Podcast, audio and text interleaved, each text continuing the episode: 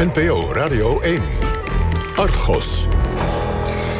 Dan nu de omstreden subsidie aan het Radbouws, Radboud ziekenhuis. Want juist nu in deze tijd, nu de overheid miljarden uitgeeft om iedereen in deze slechte tijden zo goed mogelijk overeind te houden, is het natuurlijk van belang dat gemeenschapsgeld goed wordt besteed. Vandaar dat wij nog eens zijn gaan kijken wat er is gebeurd met de forse subsidie die het Radboud UMC een paar jaar geleden kreeg. Het Radboud ontving die subsidie van ZonMW. En dat is in Nederland de instantie die specifiek geld geeft voor medisch-wetenschappelijk onderzoek. In dit geval ging het om de ontwikkeling van een speciale gel die uiterst geschikt zou zijn bij de behandeling van brandwonden. ZonMW zegde een miljoen euro subsidie toe. Voorwaarde was wel dat er ook commerciële bedrijven aan het project zouden meedoen zodat de supergel makkelijk zijn weg naar de markt zou vinden. Maar toen ging het mis, ontdekten wij twee jaar geleden. Goedemorgen.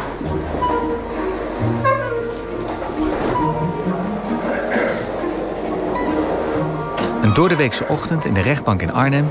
waar de sfeer nogal gespannen is. De communicatie is alleen maar in een conflictmatige sfeer geweest. We hebben vanaf 12 september hebben wij geprobeerd in overleg te komen met meneer Nargi. Herhaaldelijk, hè? Uh, telkens. Hij weigert gewoon ieder overleg. Er staan twee partijen tegenover elkaar. Aan de ene kant de Stichting Katholieke Universiteit, kortweg de SKU. Dat is de stichting waar de Nijmeegse Radboud Universiteit... en het Radboud Universitair Medisch Centrum onder vallen. En aan de andere kant staat een bedrijf, Woondex... met als directeur Jan Nagy. Er klinken soms pittige beschuldigingen. Bijvoorbeeld van de advocaat van SKU.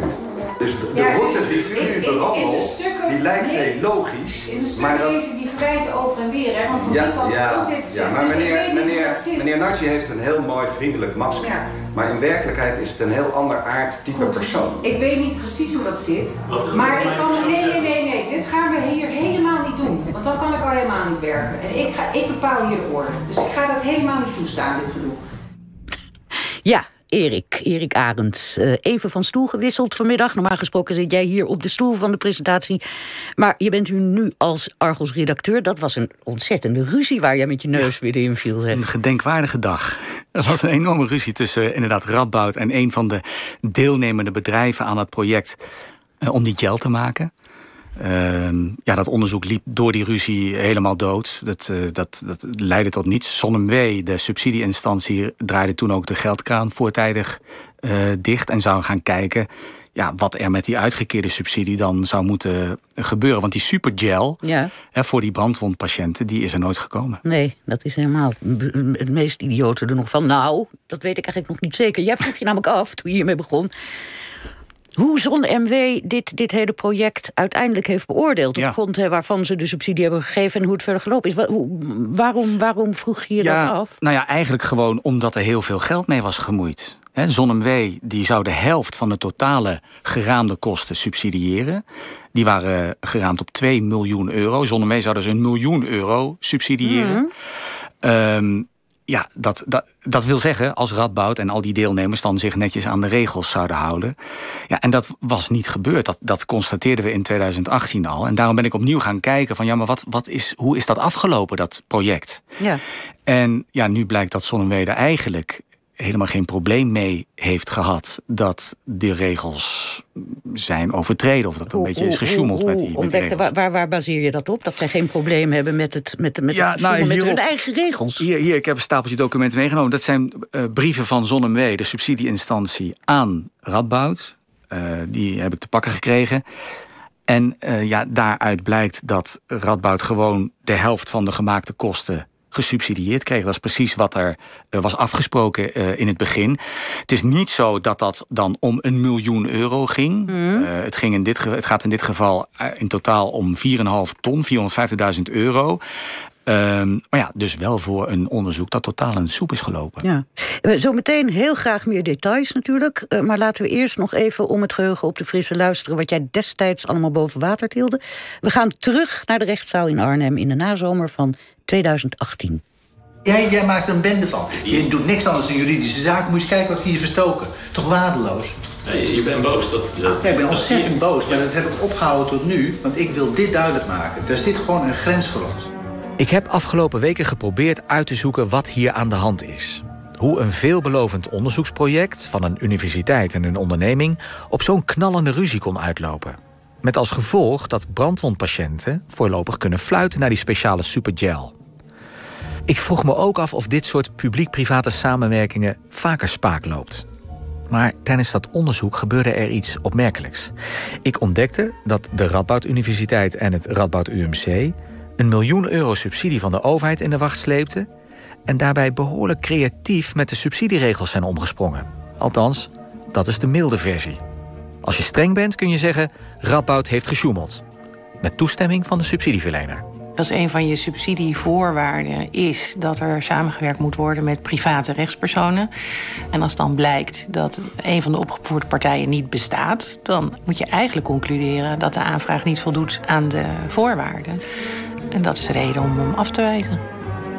Ja, maar wat is de relevantie voor hem? Dat heb ik u net uitgelegd. Of het materiaal nog Hoe kon dit zo uit de hand lopen?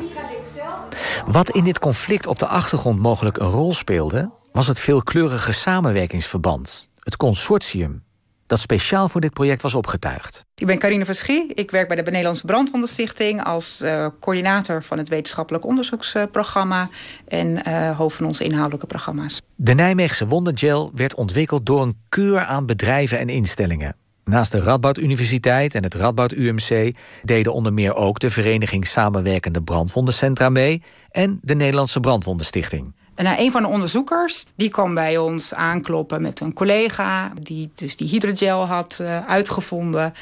En uh, die onderzoeker zei: Goh, ik zou het zo leuk vinden als deze hydrogel uh, specifiek voor brandwonden onderzocht zou kunnen worden. Want ik denk dat het heel belangrijk is, dat een belangrijke toepassing zou kunnen zijn. En dit bonte gezelschap bleek indirect tot elkaar veroordeeld door allerlei eisen van de overheid.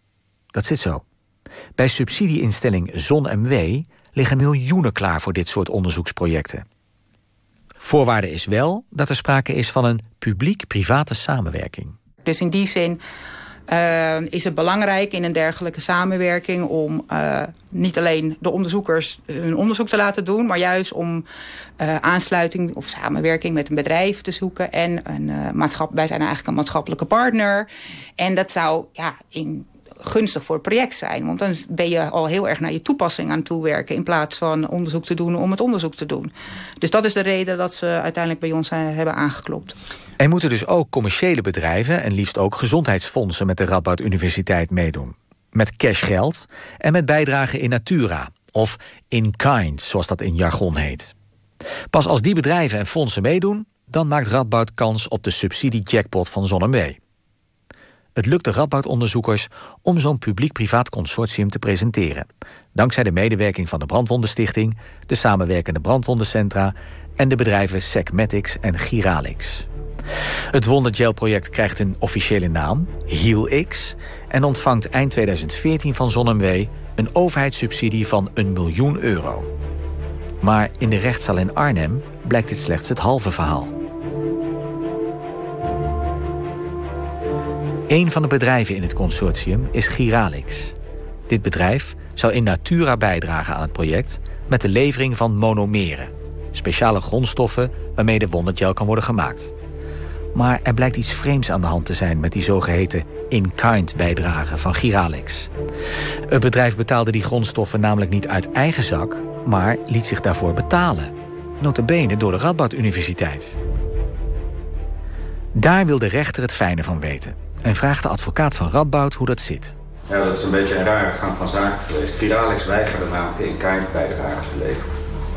Ja, maar hier, hier, zegt u gewoon, ja, ze zijn in-kind uh, bijgedragen. Ja, ja, en dan stel ik er een vraag over. En... Maar daar wil ik iets over zeggen. Ja. Uh, toen dreigde uh, het project gewoon helemaal niet door te kunnen gaan. Mm. Dus toen heeft professor Rowan ergens financiële middelen bij de, de Radboud, uh, bij SKU, uh, gevonden om die in-kind bijdrage zeg maar, te financieren. Hmm. En is dat, uh, is, is dat soort, is die gang van zaken ook gedeeld met Het hele consortium weet, weet dat, ook zonder Zonder. Dit is natuurlijk niet, hoe zeg je dat, zoals het zou moeten, maar Nee, maar als je daar maar open over bent... Op het is moment- formeel natuurlijk allemaal niet eh, vastgelegd. Eh, dat is informeel, is dat, eh, was dat bekend. Heeft u, wie heeft dat gedeeld met Zon en Wee en hoe? U? Ja, open en eerlijk met Sandro G. besproken. Dit is het In- probleem? Met, en met onze fi- financi- financiële experts zeg maar, daarbij. Hoe doen we dit nou en hoe, hoe krijgen we dit voor elkaar? Ja, de Radboud Universiteit betaalde dus zelf voor de verplichte eigen bijdrage van Giralix. Dit zegt zowel de advocaat van Radboud als directeur Masman van het Radboud Medisch Centrum. En zij zeggen ook: dit hebben we met Zonnewee overlegd. Terwijl Giralix juist een eigen bijdrage moest leveren om te voldoen aan de subsidiewaarde van Zonnewee. Met andere woorden, om die miljoen euro binnen te slepen. Mag dit? Ik vroeg dit aan hoogleraar bestuursrecht Willemien den Oude van de Universiteit Leiden. Op het moment dat je hebt afgesproken via de verleningsbeschikking dat je eh, een bijdrage levert in geld of in natura, is het natuurlijk niet de bedoeling om via de achterdeur, ehm, daar waar de subsidieverstrekker het niet kan zien, de dingen anders te regelen. Ik heb de directeur van Giralex gevraagd of het klopt dat de Radboud Universiteit heeft betaald voor de levering van grondstoffen. Maar hij wil hier geen commentaar op geven.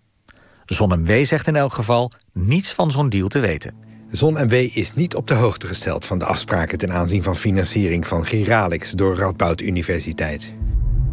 Maar er is meer. Tijdens de zitting zegt Dirk-Jan Masman van het Radboud UMC namelijk dat zo'nzelfde financiële constructie is bedacht voor de bijdrage van het andere bedrijf in het consortium, Segmetics. andere component daarvan is een financiering van de Brandwondenstichting... die naar Segmetics kwam, waaruit Segmetics haar bijdrage kon leveren. Ik heb bij de Brandwondenstichting nagevraagd hoe dat precies zit. Coördinator Carine van Schie beaamt dat het bedrijf Segmetics, net als Giralix... met andermans geld zijn verplichte bijdrage aan het publiek-private gelproject heeft geleverd. Segmetics kreeg daarvoor 100.000 euro van de Brandwondenstichting. Dus in plaats van onze eh, bijdrage direct in het project eh, te stoppen... hebben we het gedaan via het bedrijf. Dus die kon die financiering gebruiken om weer in het project te steken. Maar, maar is het wel een bijdrage van het bedrijf? Nou ja, eigenlijk is het natuurlijk een bijdrage van ons. Maar een van de uitgangspunten van subsidieverlening is toch dat privébedrijven geïnteresseerd moeten zijn en bereid moeten zijn om ook eigen geld erin te stoppen.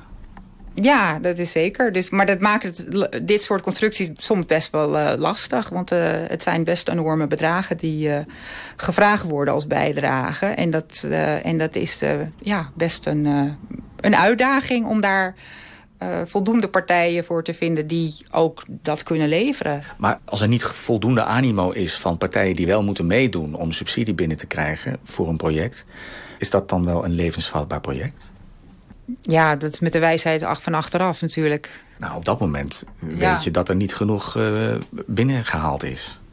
En, en dat je deze constructie moet bedenken. Ja, maar wat ik al zei, wij zijn natuurlijk als partij bijgevraagd. Wij zijn natuurlijk niet zelf de consortiumbouwers geweest. Dus ik, ehm, eh, waren wij zelf in de lead geweest, een consortium bouwen... ja, dan had ik eh, gezegd, sorry, eh, we gaan het niet halen. Dan had ik de stekker eruit. Ja, had ik, dan, dan had je nooit een project voor elkaar gekregen, laat ik het zo zeggen. ZonMW wil geen radio-interview geven over deze kwestie. Maar in een schriftelijke reactie meldt de subsidieverstrekker... dat ook de financiële constructie met Segmetics bij ZonMW onbekend was. Of er sprake is van misleiding, zal moeten blijken uit de eindverantwoording die moet worden aangeleverd om de definitieve subsidie vast te kunnen stellen. Mocht hier sprake van zijn, dan kan het subsidiebedrag worden verlaagd. Ik ontdekte trouwens nog iets anders.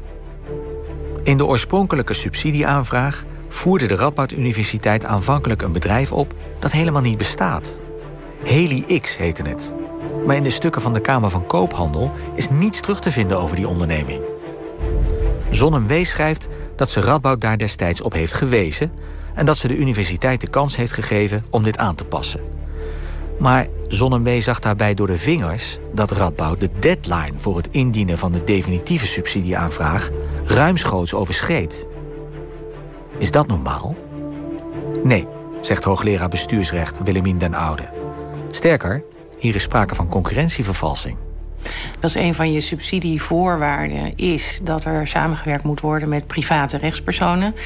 Eh, dan vraag je daarbij op eh, stukken uit de Kamer van Koophandel om dat te controleren. En als dan blijkt dat een van de opgevoerde partijen niet bestaat, dan eh, moet je eigenlijk concluderen dat de aanvraag niet voldoet aan de voorwaarden. En dat is reden om hem af te wijzen. Dus Radboud overtrad feitelijk de regels door in de subsidieaanvraag een niet bestaand bedrijf op te voeren. Maar Zonnewee zei: ah, probeer het gewoon nog een keer, misschien gaat het dan wel goed. De deadline voor het indienen van het definitieve projectplan was 2 september 2014. Bijna twee maanden later, eind oktober, kwam Radboud pas met een vervangend bedrijf op de proppen, Segmetics. Het bedrijf blijkt drie dagen daarvoor in alle haast te zijn opgericht met een gestort kapitaal van welgeteld 100 euro. De helft van de aandelen is op dat moment in handen van Radboud. En de directie bestaat uit één persoon, Dirk-Jan Masman van het Radboud UMC. Is dat nou een bedrijf dat Zonnewee voor ogen heeft als zij het heeft over samenwerking tussen universiteiten en bedrijfsleven? Wanneer ik deze regeling bekijk, dan heb ik de indruk dat het de bedoeling is om werkelijk private, op winst gerichte ondernemers, en dan noem ik dat maar even het echte bedrijfsleven, zorgverzekeraars, eh, fabrikanten van medicijnen, om die echt te betrekken bij het fundamentele onderzoek. Ze zijn dus op zoek naar de grote jongens. Mhm. En vanuit dat perspectief kun je zeggen: tja, is dat nu echt gelukt wanneer je belangrijkste private partner een partij is waar je zelf heel duidelijk de vingers in de pap hebt? Men had uh, ja, een beetje geforceerde uh, private rechtspersonen uh, nodig om aan deze subsidievoorwaarden te kunnen voldoen. En dan krijg je dit.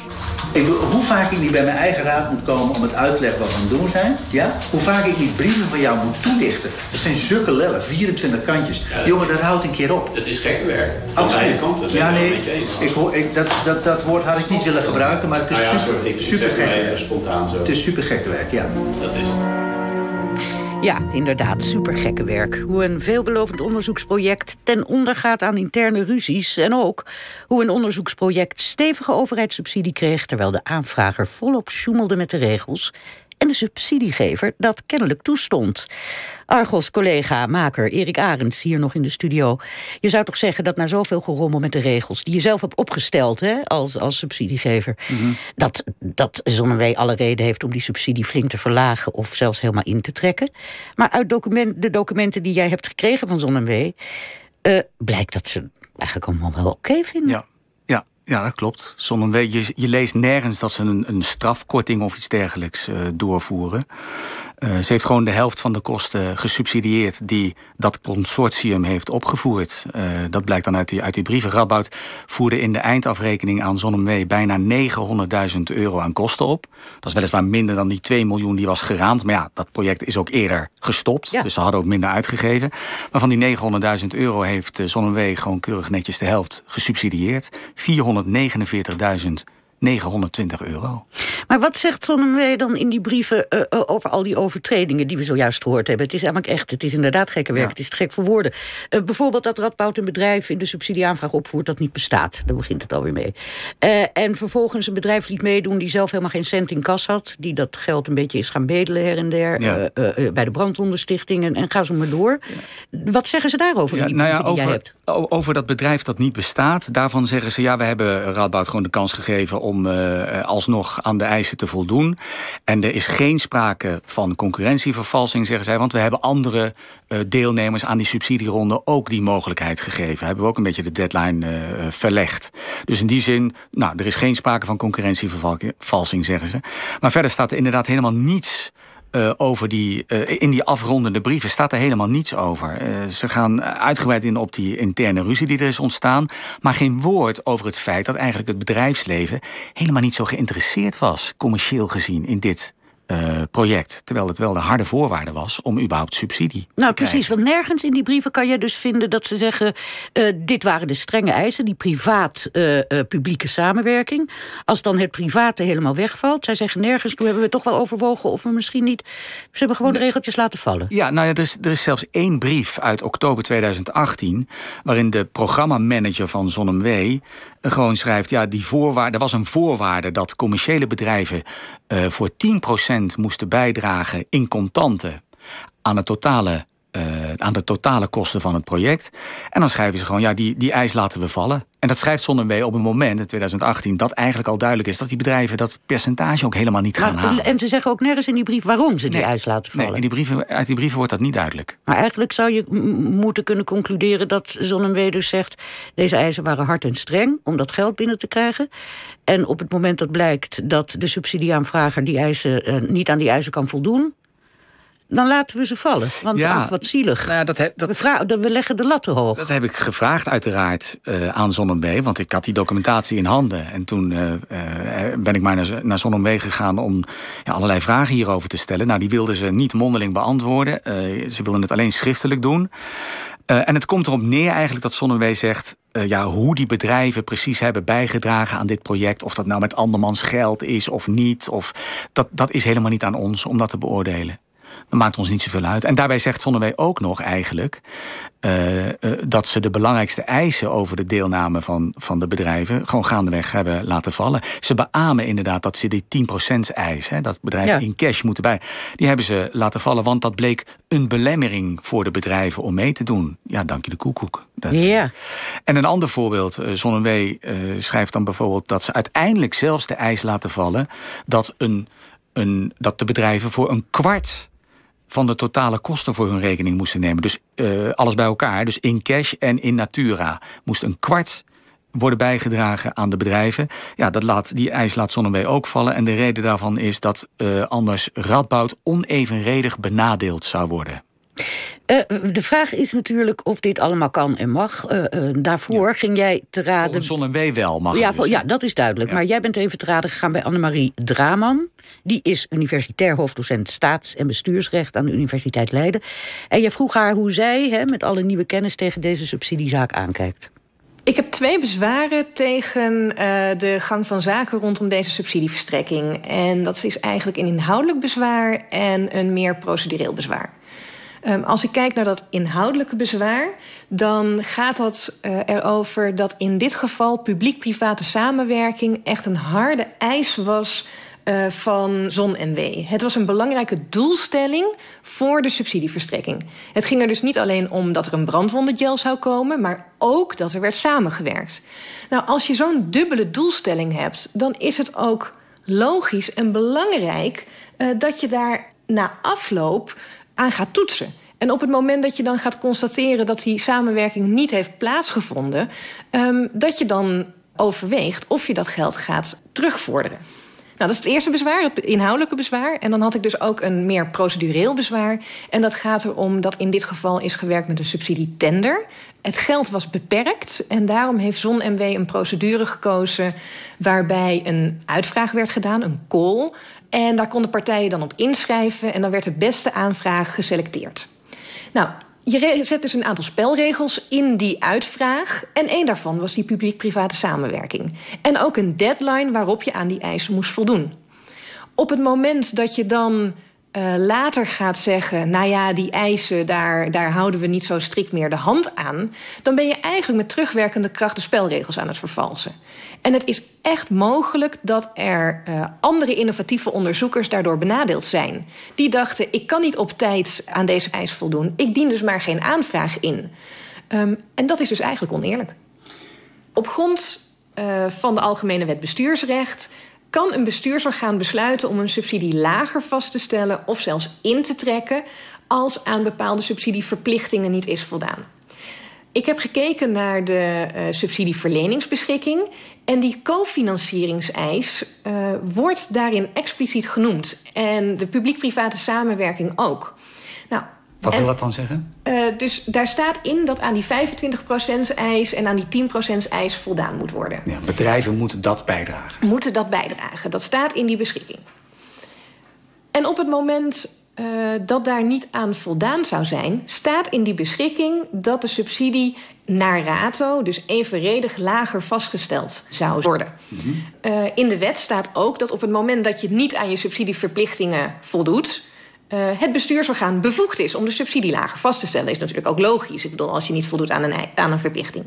Dus je zou verwachten dat in het subsidievaststellingsbesluit, uh, wat nu in 2020 genomen is, hier een expliciete overweging aan wordt gewijd in hoeverre aan die cofinancieringseisen is voldaan.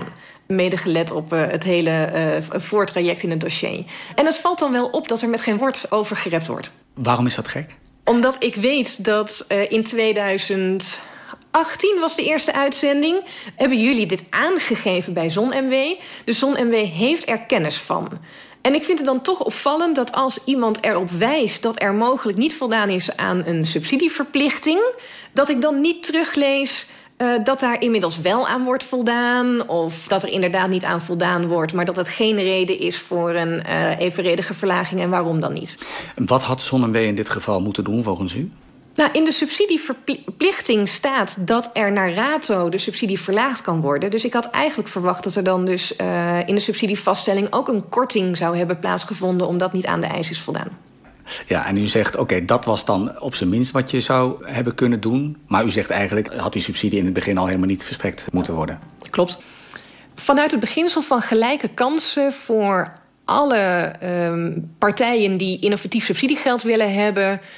Um, is er veel voor te zeggen dat hier strenger uh, gehandhaafd had moeten worden... en uh, de subsidie verder gekort had moeten worden. Nou, duidelijke taal, Erik Arends. Mm -hmm. Ik vroeg me af, komt dit vaak voor? Weet jij dat? Nee, weet ik niet. Het is wel een interessante vraag. Want kijk, normaal gesproken, dat zegt die Draman, uh, zei, zei, dat ook. Normaal gesproken komen er juist uh, zaken voor de rechter waarbij een van de partijen uh, kwaad is. Mm -hmm. En die wil geld terug mm -hmm. hebben of wil geld. nou ja, daar komt het vaak op neer.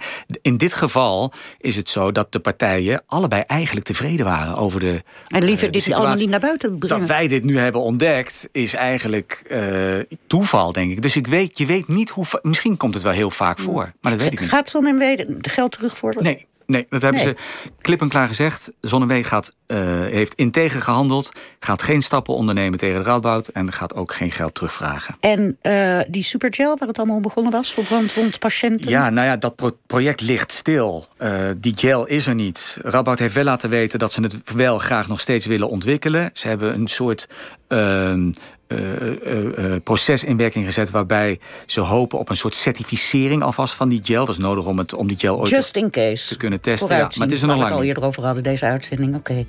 Dank je, Erik Arendt. En de volledige antwoorden van zowel Radboud als ZonMW zijn natuurlijk op onze site te zien. vpro.nl slash Argos.